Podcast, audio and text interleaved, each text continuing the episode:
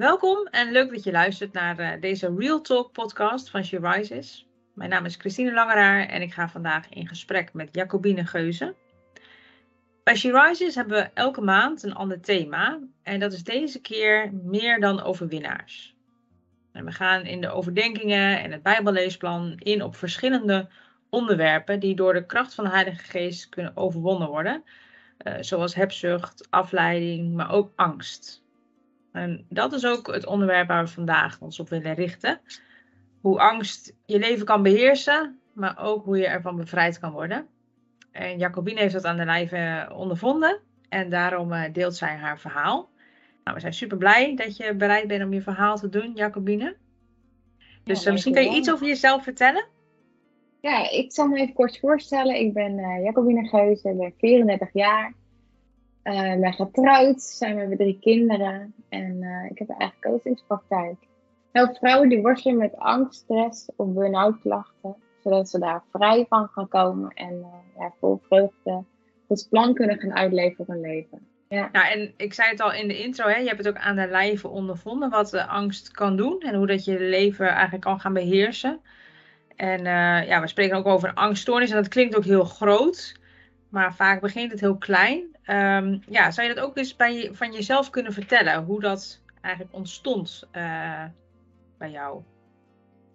Ja, klopt. Het begon eigenlijk heel sneaky, heel klein uh, mijn leven in te sluipen. Uh, ik moest dwangmatig handelingen verrichten om eigenlijk ja, bepaalde angst gewoon.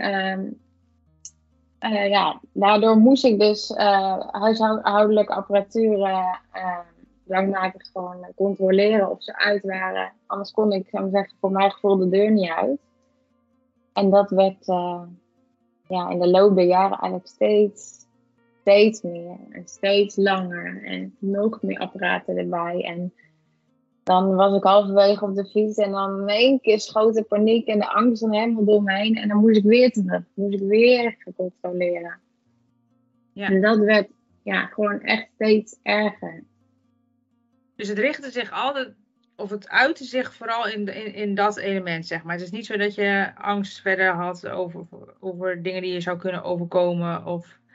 En niet uh, voor mezelf, totaal niet voor mezelf, maar juist echt voor anderen. Dus eerst was het, um, ja, eerst was het eigenlijk alleen uh, dwangmatig die handelingen verrichten en daardoor uh, kon je natuurlijk angstig voelen, omdat je dan het gevoel dat je niet goed had gedaan, dat er dan het huis bijvoorbeeld in de fik mm. werd gezet of wat dan ook. Maar later, toen, het, het, werd met de jaren erger en toen kreeg ik ook gewoon angsten voor, um, ja, wat zou ik kunnen zeggen? Um, ja, bijvoorbeeld schoonmaakmiddel die ik liet, staan of zo, dacht ik dan. En dat dan een kind die bij ons kwam spelen, dat dan uh, ja, opdronk en dan doodging. En het werd steeds erger, zou ik maar zeggen. Ja. ja. Nou, herken, eh, zulke dingen zijn op zich best wel herkenbaar natuurlijk. Dat soort paniekgedachten, uh, zeg maar, die je kan hebben, denken. Ik bedoel, ik weet zelf ook wel van mezelf, zeker als je kleine kinderen hebt, dat je denkt oh, uh, ligt in een wiegje, maar uh, lees nog wel even gaan kijken of zo. Je? Dat zijn denk, dingen die uh, best wel herkenbaar zijn. Maar bij jou nam het natuurlijk steeds grotere vormen aan. En extremer. Ja. Um, waar was, en dat is misschien gelijk wel een hele grote vraag hoor, maar, maar waar was God in die angst, zeg maar? Had je dat al gelijk dat je dat ook wel iets was dat je wel in gebed bij, bij hem bracht? Of was dat iets wat je gewoon nou ja, niet zozeer zo door had van jezelf? Ja, God was er natuurlijk. Die is er in mij. Dus hij was, hij was bij mij. Maar ik, um, achteraf zie ik echt van aan het begin, toen ik gewoon die angsten echt ontwikkelde en die dwangmatige handeling moest verrichten, had ik God er nooit bij betrokken. Ik had er nooit uh, voor gebeden of zo. Want ik dacht, ja, iedereen heeft wel wat. En ja, ik heb dat, was echt een soort van blinde vlek of zo. Ik deed, want ik was continu met God bezig. Ik was wel heel vroeg met, uh, in, uh, in tien jaar al met God bezig. Ik vond hem fantastisch. Dus altijd gewoon uh, aan het luisteren, boek aan het lezen. Dus in die zin, ik was altijd met God bezig. Maar dat stukje leek of er gewoon een blinde vlek was of zo. Ik had dat niet ten diepste door. Aan het begin dan, hè. En toen het, zou ik zeggen, echt heftige vormen aan ging nemen, dat ik uiteindelijk gewoon niet meer kon functioneren. Want ik stortte echt eh, op een punt gewoon echt gewoon in. Ik had een fikse burn-out. En eh, ik ben zelfs nog onder behandeling geweest dan bij de GGZ. Omdat het gewoon... Ik, kon niet meer functioneren als moeder zijnde. Ook. En dat was echt ook heel, eh, ja, heel heftig. Maar in die tijd... Toen kon ik me alleen nog maar... En mijn enige houvast was toen ook echt gewoon God. Mijn geloof. Mm.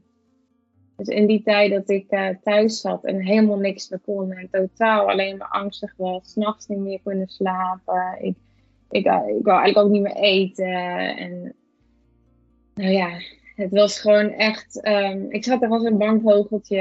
Het liefst lag ik onder de dekens en had ik een dagboek. En eh, daar sprak God eigenlijk wel continu doorheen. En dingen die ik luisterde, was de hele tijd dat God eh, tot mij sprak. En toen gingen mijn ogen echt open voor ja, Gods waarheid eigenlijk. Wat daar staat van Ja. wow. En daardoor ehm, ja, liet me echt bepaalde dingen zien. Bijvoorbeeld ook gewoon dat het heel belangrijk is om je altijd te verheugen in God. Wat je omstandigheden ook zijn. Heeft natuurlijk Mhm. niks te maken met je gevoel op dat moment of de situatie. Maar gewoon een bewuste keuze om God eh, te loven, te prijzen voor wie hij is omdat hij ook je, gewoon je genezer is, je bevrijder. Hij wil heling geven. En toen begon het echt op me door te dringen. Echt. Van, eh, maar hier, weet je, dit, hier ga ik met God uitkomen. En zo snel mogelijk. En dat, dat was ik dan weer. In die zin, eh, ja, daar- als ik ergens voor ga, dan wil ik helemaal ervoor gaan. Ja. En ehm, ja, toen ben ik ook bij GGZ onderhandeling geweest. En daar hebben ze me echt wel hele goede eh, ja, de hulp gegeven van hoe ga je om met een, met een angst. Hoe kom je van die dwangmatige hè, handelingen, eh, hoe ga je dat afbouwen, zodat je de, ja, hoe kom je daar vanaf. Ja. Maar in die tussentijd moest ik ook eh, ja, wel medicatie heb ik geslikt, ook een tijdje. En eh, eigenlijk wilde ik dat niet. Maar goed, eh, het is ook wel eens goed, denk ik, om. eh, je mag het ook wel gebruiken, medicatie. Maar ik had al altijd wel ja, God geneest en ik hoef geen medicatie. Uiteindelijk toch wel genomen. Maar eigenlijk werd die, die medicatie toen mijn allergrootste angst. Want, Ja. ehm, ja. En eigenlijk toen ik het de eerste keer nam, toen, ja, toen schoot er door me heen van, oh, dit, dit gaat, dit, dit, hier ga ik heel angstig worden. Heel raar was dat eigenlijk. Maar toen, ehm, ja, een, ik dacht, averechts effect, merkt hij of zo. ja. Ja. ja. Nou ja, ja.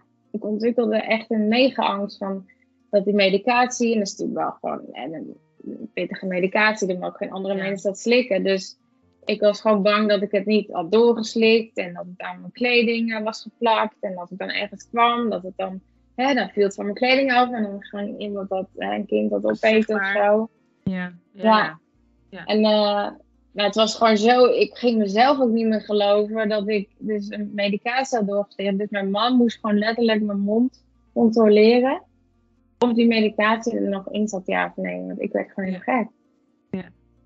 Dat was wel, Nou, nou vertel je al echt, zeg maar, dat, dat op, op z'n ergst was het toen, hè? En toen heb je ook inderdaad al hulp gevonden. Als we nog ietsje teruggaan, zeg maar. Wanneer was het moment, ook, eh, misschien is dat namelijk ook wel goed voor luisteraars, om dat bij zichzelf te spiegelen, zeg maar. Als ze bijvoorbeeld hier iets van herkennen.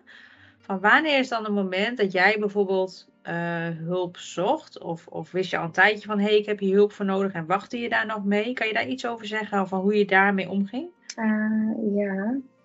Nou, ik heb het heel lang voor mezelf gehouden. Echt jaren. Ook zelfs niet eens tegen mijn man echt gezegd. Ja, ik ging wel heel sneaky dan aan hem vragen. Joh, heb jij eh, dat en dat gecontroleerd? Want als we bijvoorbeeld weggingen of zo. Maar ik hield alles voor mezelf. Ik dacht altijd van, nou weet je, ik regel het zelf wel. En daar heb ik echt niemand bij nodig. Maar het is echt heel belangrijk om... ehm, weet je, angst komt niet uit, zomaar uit de lucht vallen in die zin. Het heeft wel iets, hè, een oorzaak. En bij mij was het echt gewoon emotionele overbelasting. En ook gewoon heftige gebeurtenissen in mijn leven die ik niet goed verwerkt had. Ik ging maar Mhm. door, ik hielp iedereen, behalve mezelf. En Ja. daardoor uh, uit het bij mij dan in, in zo'n echt een dwangmatigheid ook. En ik geloof nu ook dat dat echt uh, eigenlijk een uh, emotionele overbelasting is. Gewoon een open deur ook voor bijvoorbeeld de geest van angst. En dat is echt in mijn leven gekomen. En dat had ik toen niet door. Nee. Toen ik, ja. Ja, dat is dus helder inderdaad. Tenminste, dat kan je nu met helderheid zo terugzien. En dat is natuurlijk iets wat, wat gaandeweg uh, sluipenderwijs gaat. En je had blijkbaar best wel de overtuiging dat je het in je eentje moest doen. Hè? Of jij bent degene die anderen helpt, dus ik kan ook mezelf helpen. Klopt ja. dat? Ja. Ja, ja, zo weet ik altijd wel, ja. Het is echt super belangrijk om het gewoon kenbaar te maken aan je omgeving. Zodat je er ook uh, ja, de juiste hulp voor krijgt. Zodat het ook niet zo heftig gaat worden. Hè? Want veel mensen gaan pas hulp echt vragen wanneer het eigenlijk al gewoon niet meer ja, dan is het niet meer onder controle. Is het echt heftig? Ben je daar mhm. constant bijvoorbeeld mee bezig? Of lopen er heel vaak tegenaan? Word je door belemmerd in je leven?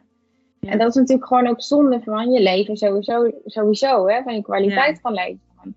God wil dat je uh, ja, ook geniet van het leven en alles wat hij daarin jou geeft. En uh, ja, als je alleen maar hè, met angst bezig bent, dat inderdaad ook in de Bijbel zo vaak, hè, van uh, we, hoeven, we hoeven niet angstig te zijn, want God is met ons. En nee. ja, het is wel onze verantwoordelijkheid om natuurlijk ook naar je lichaam te luisteren. En als jij maar, hè, ik ging maar door en door en ik ging mijn, uh, mijn verleden niet verwerken, ja. dan klopt dat zich allemaal op in je. En dan hè, je lichaam, en dan gaat het dit was dan bij mij die, dat het dat ontwikkelde, dan zeg echt die dwangmatigheid. Ja. Eh, je zegt aan de ene kant van nou die medicatie, die, uh, daar ben ik alleen nog maar angstiger van.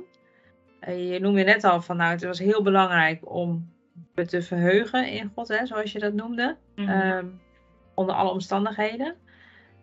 Kan je nog eens specifiek uitleggen inderdaad, wat zijn de elementen die jou uiteindelijk nou ja, hebben bevrijd van die angst?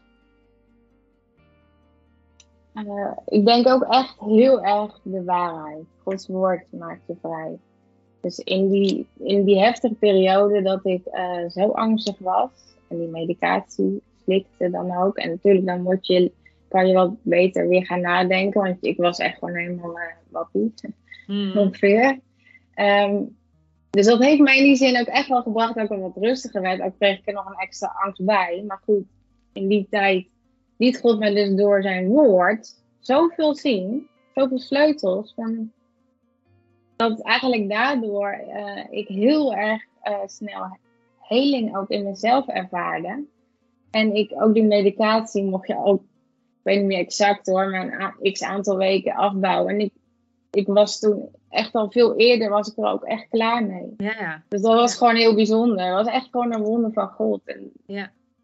En was het dan ook zo dat die, dat die waarheid zeg maar, ook doorwerkte aan die onderliggende problemen, zeg maar? Die, dat je het idee had van daar werd je geheeld? Ja, ja. dat heeft al, ja, alles echt met ook, ja, was echt uh, met elkaar verbonden in die zin, ja. Ja. En is dat iets waar je anderen bij, anderen hebben jou daarbij geholpen? Of is dat iets wat je toch wel redelijk zelfstandig hebt gedaan?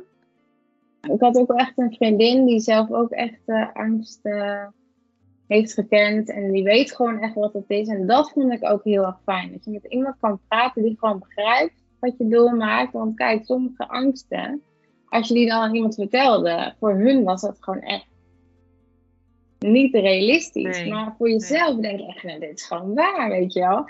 Ik had ook gewoon waar idee. Ik dacht dat dingen in de fit, fit stak en zo. Dus ik zat extreme dingen. Je hebt niet eens mhm. vuur. Maar goed, hè, zo ver kan je uh, gaan. Maar ik vond het toen heel erg fijn om met mensen te praten die het ook zelf hebben meegemaakt. Die gewoon begrijpen wat angst met je doet. Hè, hoe je gewoon helemaal in zo'n gedachte je kan helemaal je kan laten leiden. Dat heeft me ook heel erg geholpen om met mensen te praten die begrijpen gewoon wat je doormaakt. Ja, en die er met jou doorheen willen gaan om jou ja. Uh, ja. laten zien hoe je, dat, hoe je eruit komt. Ja. En hoe is kan je nog iets meer zeggen over het proces dan vervolgens? Want je zei, nou, dat, toen begon ik wel te helen. Hoe ging dat verder? Um, ja, ook echt wel natuurlijk um, dat je gewoon je verleden gewoon verwerkt. Dat was voor mij echt ook een grote sleutel. Dat je die ding- ding- dingen echt een plek kan geven. En, je moet ook je in die zin de angsten die je hebt ook echt onder ogen komen. Zodat je daar ook van af gaat komen. Ja. Ik had bijvoorbeeld ook een angst echt voor autorijden. Ik kwam in die zin ook nergens waar ik graag heen zou willen. Eh, alleen dan. En eh, nou ja, dan moet je gewoon. Ik wilde bijvoorbeeld graag naar bijbelschool. Maar ja, ik durfde het gewoon niet omdat ik zo net moest rijden. Maar in Ja. die zin, ik ben toen ook over die angst van ja, eh, ik laat me niet langer meer leiden door die angst. Want ik wil wel gaan, want ik verlang naar meer te leren van God. En ik zie nu achteraf dat hij echt dacht van nee, maar jij mag niet verder groeien in die zin. Dus ik werd echt in die angst gewoon heel erg eh, belemmerd, ook in mijn groei in die zin, het verlangen wat ik had. En dan moet je gewoon angst onder ogen komen. En ik ben gewoon, eh, gewoon toen wel echt gewoon bewust daar naartoe gegaan in mijn eentje. Gewoon rijden. En gewoon die angst onder ogen komen eigenlijk. Ja. Ja, Wauw. dat was best, het was best wel eh, echt een zwetende oksels. Maar eh, Ja, ja, dat je snap moet ik, ja. gewoon soms in die zin, eh, je- kijk, je, de angst onder ogen komen. Net als hè, met dwangmatig dingen afleren. Dan moet je ook eh, het bewust gewoon eh, hè, één keer in plaats van dat ik vier keer controleerde, maar twee keer controleren. En dan gewoon weglopen. Nou, echt de eerste keren. Dan gaat je lichaam tekeer. Maar je moet in, ja, om daar van af te komen, moet je daarin gewoon ook wel volharden. Ja, en sterker worden inderdaad. Ja. Ik herken het eh, een klein beetje van dat autorijden. Ik heb ooit een keer een ongeluk eh, veroorzaakt. eh, of eh, geen eenzijdig worden was gewoon eh, alleen eh auto wel kapot. En dan kan je heel angstig worden van oh ik kan het niet, et cetera. Dat heeft me ook jaren eh, gemaakt dat ik niet zelf meer reed. En op een gegeven moment dacht ik ook van ja, eh, wat zonde eigenlijk inderdaad. Dus ik herken dat een beetje van jou. En dan inderdaad ook dat je als je dan weer het wel gaat doen, ehm, dan merk je opeens van, hé, wat heb ik eigenlijk mezelf gevangen gehouden? Hè? Of wat heb ik, Ja. ben ik gevangen gebleven in iets Ja. wat hier zit, maar eh, nou ja, wat jij zegt ook, wat me tegenhoudt om echt voluit te leven. Ja. En in die zin is het denk ik altijd iets wat de duivel wil gebruiken natuurlijk, om, om je klein te houden en eh, bij God weg. En niet dat volle, volle overvloedige leven te laten leven wat eh, God je ook wil bieden. Dus ik denk dat het voor veel mensen herkenbaar is. Zo, misschien veel kleiner, maar wel Ja. eh, wat angst kan doen, hè? Dat, Ja, dat angst is gewoon, dat is een vreselijke emotie. Dat is echt, eh, ook ja, eh, klein of groot, is allemaal erg, kan ik Ja. zeggen. Ja, dus, dus je zegt eigenlijk ook vooral van, nou, laat de, de waarheid daarover, of de, de waarheid moet daarin over uitgesproken worden. ook zelf gewoon gaan doen, zeg maar, om het te doorbreken. Heb je nou nog meer tips van vrouwen die luisteren en dit, dit iets, iets hiervan herkennen? Of eh, misschien wel heel veel, omdat het bij hun ook al heel groot is geworden. Zeg maar, wat zou je hun willen zeggen? Ja, ik wil ze echt aanmoedigen dat ze het gewoon echt eh, openbaar gaan maken. Dat ze het gewoon gaan vertellen en eh, daarin ehm, hulp zoeken wat natuurlijk passend is voor ze. Want ja, je moet, juist als je het in het licht gaat brengen, dan kan God met zijn eh, waarheid daar ook komen natuurlijk. Hè? Ja.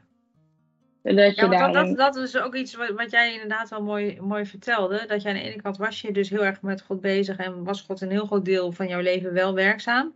Maar hield je iets eigenlijk weg.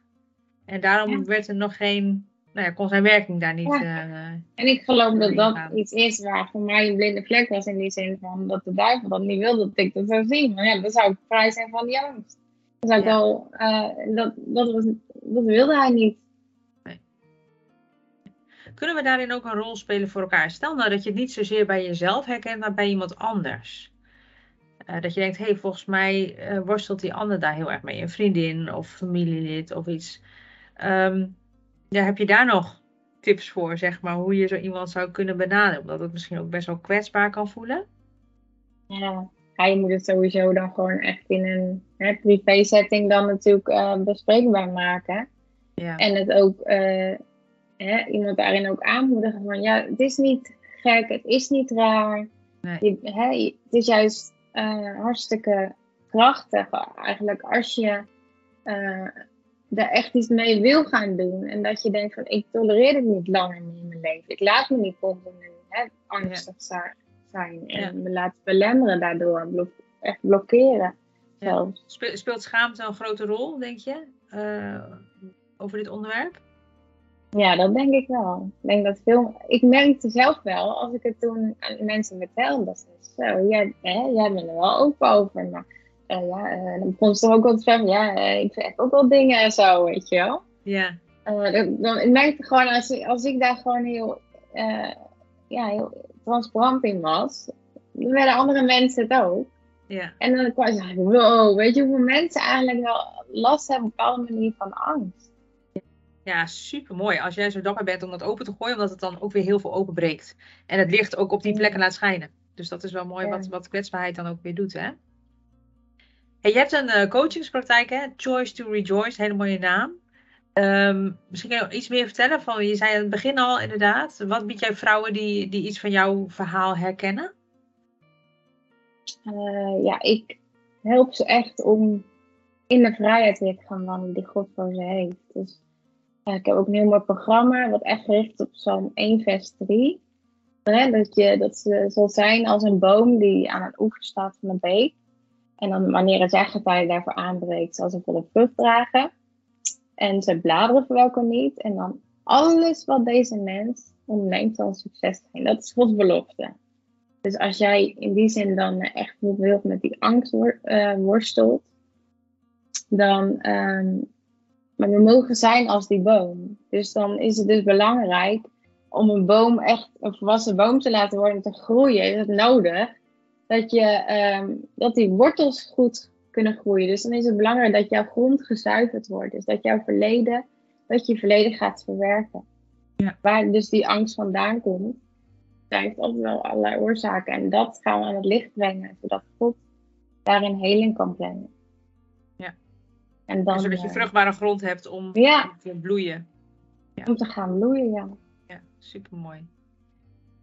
Uh, je hebt ook een website, hè? die zullen we ook vermelden zeg maar, bij het bijschrift van deze podcast. Zodat uh, vrouwen daar ook eens verder kunnen kijken als zij iets daarvan herkennen. En uh, nou, mogelijk um, bij jou terecht kunnen.